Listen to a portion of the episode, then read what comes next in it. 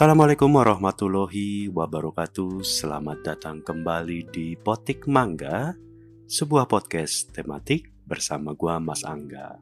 Apa kabar? Lu yang lagi dengerin, semoga dalam keadaan sehat walafiat. Amin ya robbal alamin. Um, para pemetik mangga sekalian, menurut gua salah satu aplikasi yang mengubah budaya pop atau pop culture, menurut gua salah satunya adalah Netflix. Netflix itu adalah salah satu aplikasi tayangan streaming yang super ngetop dan mengalami kejayaan, puncak kejayaannya itu ketika pandemi menghantam dunia. Jadi ketika dunia kena pandemi COVID-19 dan harus uh, seluruh dunia dipaksa harus mendekam di rumah, maka hiburan mayoritas penduduk bumi waktu itu adalah internet dan konten-konten internet sangat booming, semua orang haus hiburan, bosen, gak tahu mesti ngapain. Maka banyak dari orang-orang itu, termasuk gue, itu memilih untuk menonton. Mulai dari tontonan konten YouTube sampai tayangan uh, film dan serial streaming OTT.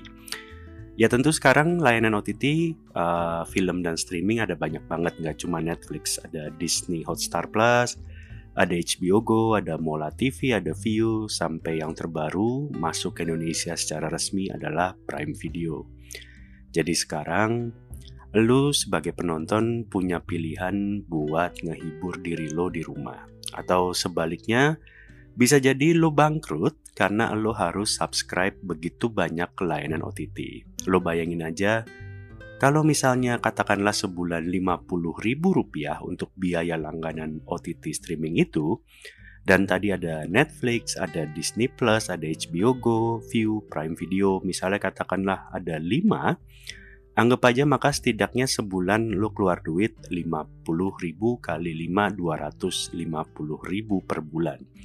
Dalam setahun dikali 12 bulan, 250 ribu dikali 12 itu 3 juta rupiah dan 3 juta rupiah itu memang apa ya lebih tinggi dari sekitar 20 uh, 20-an upah minimum provinsi di Indonesia kalau gua nggak salah.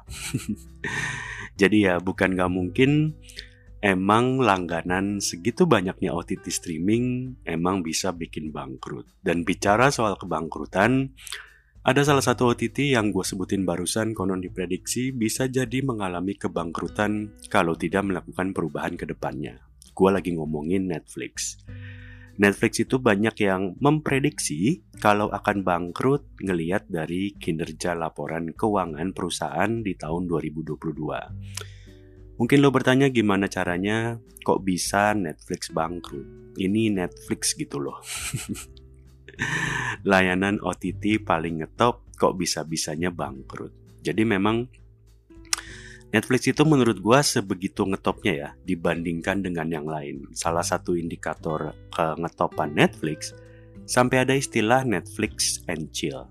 Istilah yang konon ngajak pasangan buat ngewe dengan kiasan nonton bareng Netflix.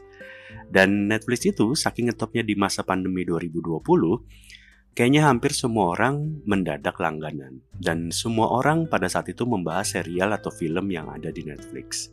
Sampai orang-orang yang tadinya nggak tahu pada saat itu nggak tahu, itu sampai nanya ke orang lainnya Netflix itu apaan.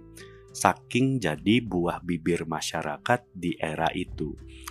Tapi pada sejarahnya, Netflix itu adalah sebuah toko sewa video jadi buat para adik-adik sekalian, para pemetik mangga yang mungkin lahirnya di tahun 2000 dan ke atas, dulu kala sebelum kita semua ini punya internet, kalau mau menonton film di rumah yang bukan di TV ya, itu ada namanya video tape kaset, bentuknya kotak. Kemudian si video tape kaset ini berubah jadi laserdisc sejenis CD tapi gedenya kayaknya segede ban sepeda Brompton si laser di situ dan habis laser disc ada namanya VCD kemudian jadi DVD sebelum format file digital kayak sekarang. Kalau DVD gue rasa masih banyak dari generasi Z yang masih ngalamin. Nah dulu untuk punya kaset video, punya laser disc atau bahkan VCD itu mahal Mungkin di antara semua yang gue sebutin tadi itu yang paling mahal adalah uh, laser disc. Gue lupa persisnya berapa, tapi kayaknya dulu kalau lo mau beli laser disc itu harganya bisa sampai ratusan ribu.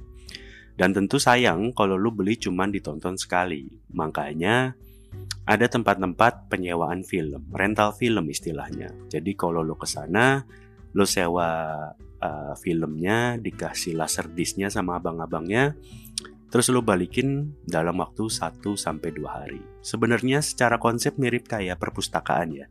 Jadi memang kalau lo di perpus pinjam satu buku kembalikan satu hari, pinjam dua buku dua hari dan seterusnya. Kalau dulu pun rental film kurang lebihnya sama. Kalau lo sewa satu film ya satu hari, kalau dua film ya dua hari dan seterusnya dan seterusnya. Di Jakarta gue inget dulu rental film yang lumayan ngetop tuh kayak Video One, Ultra Disc, Video Easy, banyak lah ada beberapa gitu. Dan pada saat itu sih kalau menurut gue di Jakarta yang ngehantem rental film itu bukan era internet. Tapi yang menghantam rental film pada zamannya adalah tukang VCD bajakan atau tukang DVD bajakan ya. Makanya lambat laun gak ada lagi orang yang nyewa karena pada beli bajakan. Nah Netflix di hari ini 29 Agustus pada tahun 1997 Netflix berdiri sebagai rental film sampai akhirnya Netflix berkembang menjadi website untuk langganan buat nonton film dan sekarang menjadi layanan streaming OTT. Tadi gue sempat bilang kalau Netflix sejauh ini mengalami masa jayanya di pandemi 2020 sampai 2021. Setidaknya sampai sekarang ya, uh, eh, gue nggak tahu apakah nanti Netflix akan lebih jaya lagi di masa depan, tapi setidaknya sampai detik ini, Netflix itu mengalami kejayaannya di tahun 2021 pada saat pandemi. Kenapa gue bisa bilang begitu? Indikator utamanya adalah nilai saham Netflix. Netflix itu kalau di istilah di sininya mungkin udah TBK ya, udah public company dan sahamnya Netflix itu udah ada di bursa saham Amerika. Jadi um, dulu uh, mungkin sekitar 10 tahun lalu misalnya di tahun 2012 harga saham Netflix itu cuma 20 dolar per lembar. Dan seiring era teknologi dan internet di mana semua orang punya akses internet dan device buat nonton Netflix, pada tahun 2019-an sebelum pandemi, saham Netflix itu sempat naik ke 233 dolar. Artinya cuma butuh 6 sampai 7 tahun buat Netflix sahamnya bisa naik 10 kali lipat. Dan di pandemi 2020-2021, uh, saham Netflix itu meroket. Puncak harga tertinggi saham Netflix itu di tahun 2021 di angka 690 dolar per saham alias uh, naik tiga kali lipat dari sebelum pandemi. Jadi bisa dibilang buat Netflix, pandemi itu membawa berkah. Jadi mungkin kalau Netflix bisa milih, dia pengennya kayaknya lockdown aja terus supaya orang bisa semua nonton Netflix. Tapi sekarang di tahun ini 2022, saham Netflix itu merosot tajam dan ekstrim banget. Sempet sampai di angka 180-an dolar per lembar angka yang bahkan konon lebih rendah dari sebelum pandemi. Terakhir kali Netflix angkanya di 180 dolar per lembar saham itu di tahun 2017. Bayangin, tadi gue bilang paling tingginya di 690 dolar ke 180 dolar dalam 6 bulan. Kurang lebihnya kayak gitu. Turun gope, turun 500. Kenapa bisa sampai terjun bebas kayak gitu? Jadi ada beberapa faktor. Konon yang pertama, Netflix mengalami kehilangan hampir satu juta pelanggan akibat perang Ukraina dan Rusia. Kenapa bisa begitu? Karena memang Amerika Serikat menarik semua perusahaan yang ada di Rusia, baik online maupun offline. Jadi konon karena perang itu, kebijakan pemerintah Amerika Serikat, Netflix kehilangan hampir sejuta pelanggan di Rusia. Tapi kalau lo lihat lagi, satu juta kehilangan pelanggan dibandingkan dengan total jumlah pelanggan Netflix seluruh dunia, harusnya nggak ngaruh-ngaruh banget. Karena konon Netflix itu pada saat gua rekam episode ini punya sekitar lebih dari 200 juta pelanggan seluruh dunia. 220-an kalau gue nggak salah.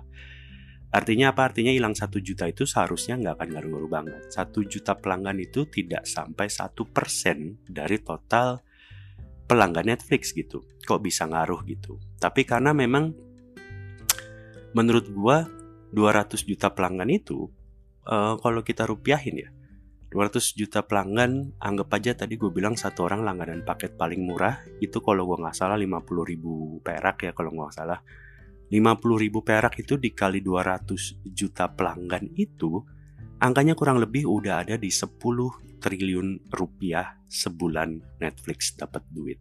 Ngeri nggak?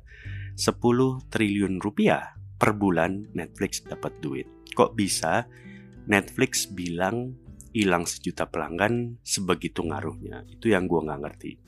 Karena memang Netflix juga bilang kalau dari 200 juta pelanggannya itu setengahnya hampir 100 juta pelanggan Netflix katanya uh, itu langganan Netflixnya pakai sistem password sharing atau alias sistem patungan. Jadi model-modelan Netflix murah yang ada iklannya di IG atau di Twitter gitulah kurang lebihnya. karena gini, karena sebenarnya ketika lo langganan Netflix, ketika lo membuka akun Netflix dan lo berlangganan Netflix paket yang untuk paling mahal, bukan paling mahal sih ya, paket yang untuk uh, uh, apa sih lihat di komputer, di laptop, di TV gitu. Itu lo langganan Netflix, lo bisa setup akun buat nonton sampai 5 device kalau gua nggak salah.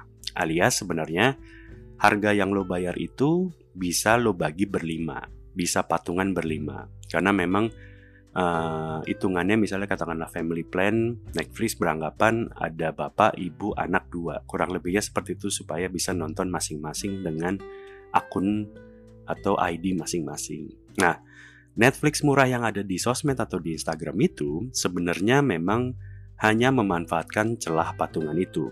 Artinya um, ibaratnya lo itu patungan tapi sama orang yang lo nggak kenal. Kurang lebihnya kayak gitu. Kenapa bisa sampai ada orang yang mau patungan sama orang asing orang yang nggak dikenal demi bisa nonton Netflix?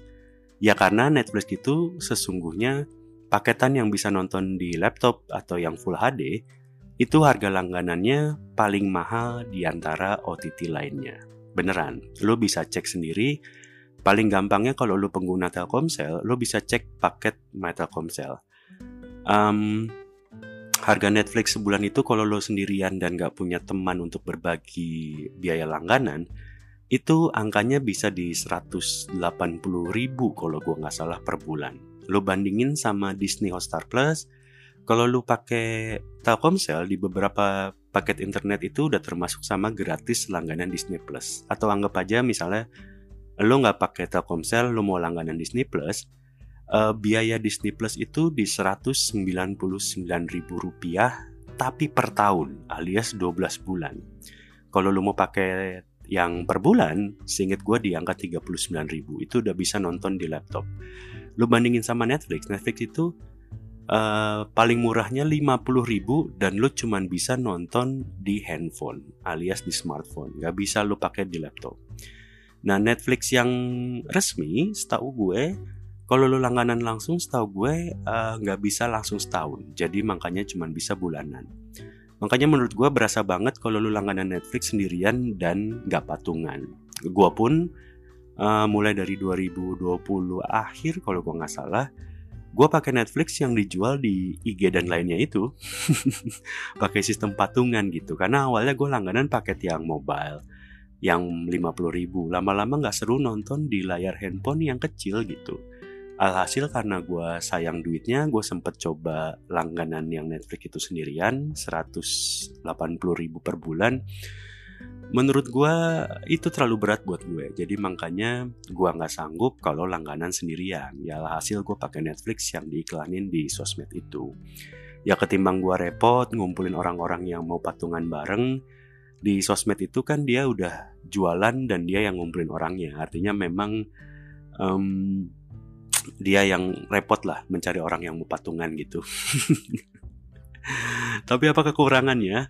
Kalau lo ikutan uh, ikutan paket Netflix yang dijual di sosmed itu kekurangannya menurut gue memang um, ketika lo lupa memperpanjang karena mereka nggak akan mengingatkan lo jadi lo harus ingat sendiri. Maka ketika lo lupa perpanjang maka lo nanti ketika beli paket langganannya lagi lo akan dikasih email dan user baru sama password pin baru gitu. Ngaruhnya sih cuman yang kemarin-kemarin film lo tonton ya bubar semua gitu. Nggak ada lagi list continue watching di daftar akun baru itu. Tapi ya ya udahlah lo search lagi aja semuanya gitu. Kalau ditanya apakah ini ilegal, gue rasa sih ini sebenarnya masih di area abu-abu ya. Karena memang orang yang jualan Netflix itu beneran langganan paketnya langsung ke Netflix. Jadi ya sebenarnya cara dia berlangganan adalah cara yang legal.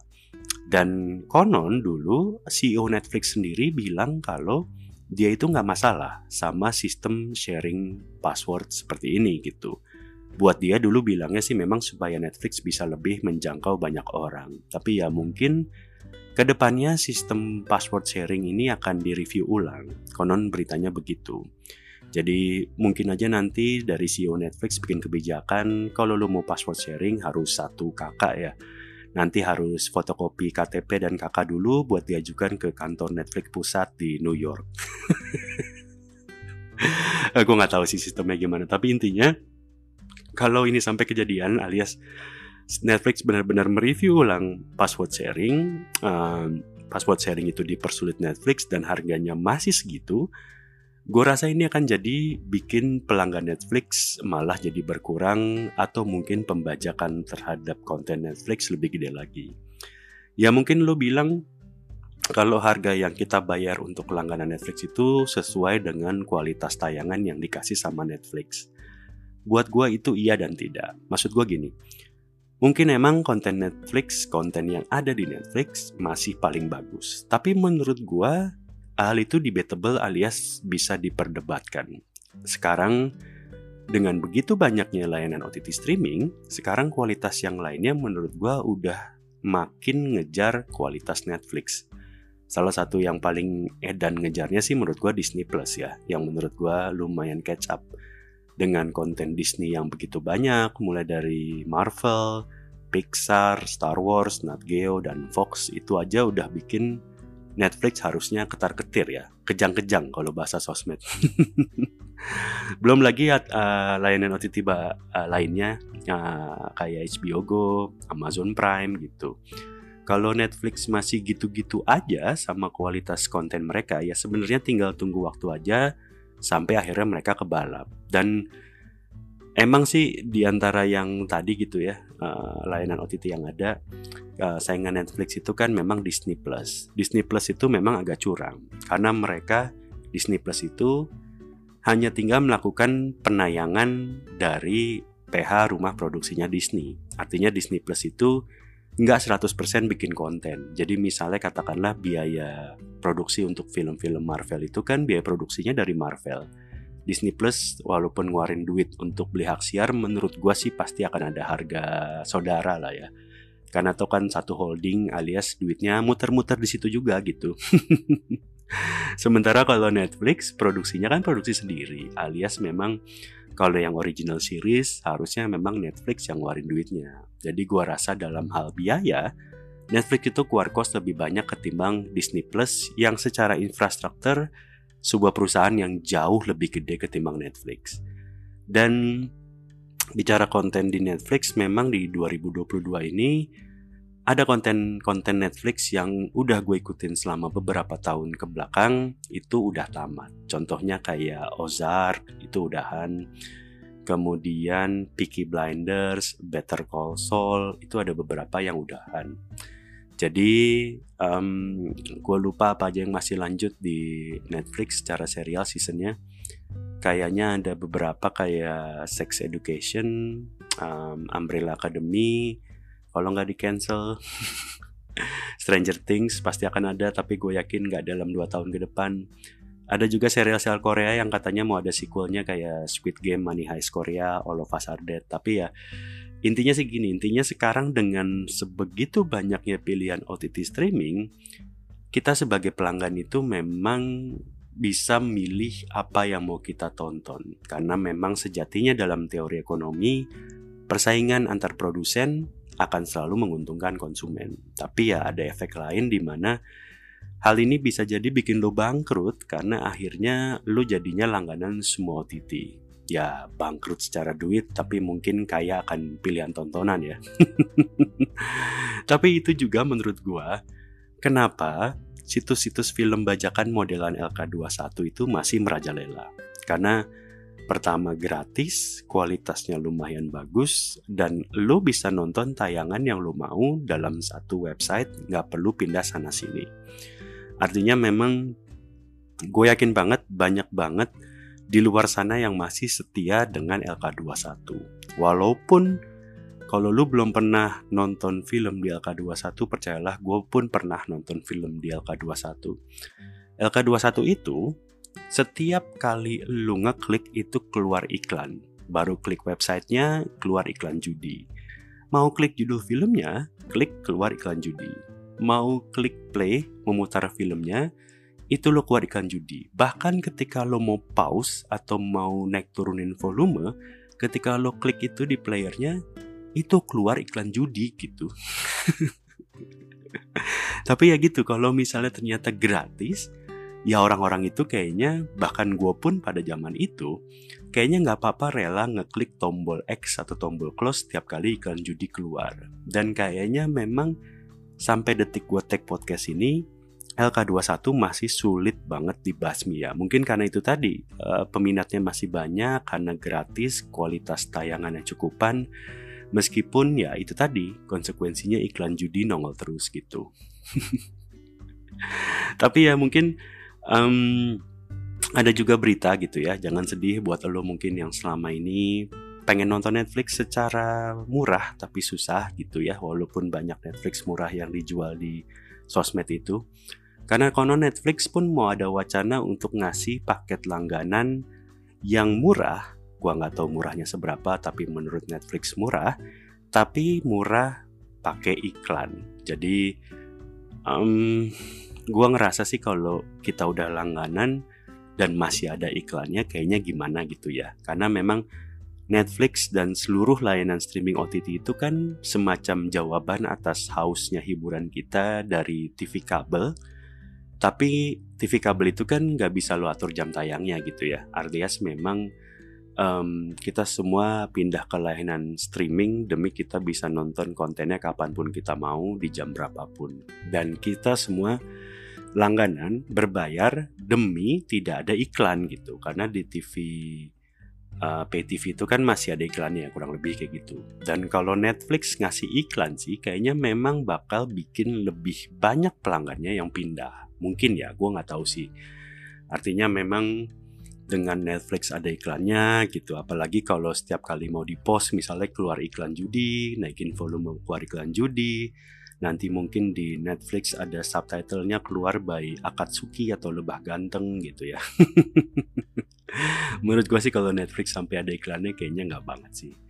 Tapi anyway, menurut gue um, sebisa mungkin janganlah menonton di bajakan ya. Kalau memang duit lo tipis, masih pengen langganan Netflix, menurut gue patungan aja buat langganan. Karena memang sampai detik ini Netflix masih memungkinkan lo buat patungan dalam hal langganan Netflix gitu. Kan kalau misalnya lo nggak nemu orang-orang yang buat diajakin langganan ya paling nggak lo beli aja Netflix yang dijual di sosmed itu sih. Karena menurut gue itu intinya patungan tapi sama orang yang nggak dikenal. Jadi kalau bahasa kerennya ya password sharing gitu masih area abu-abu menurut gue masih tipis-tipis legal lah. Ketimbang lo ke LK21 setiap klik keluar iklan judi setiap klik keluar iklan judi setiap klik keluar iklan judi menurut gue lebih baik lo patungan sama orang yang gak dikenal dengan cara membeli Netflix di sosmed di IG ataupun di Twitter. Ya udah itu aja dari gue um, terima kasih sudah mendengarkan Potik Mangga. Sampai jumpa di episode lain dari Potik Mangga. Assalamualaikum warahmatullahi wabarakatuh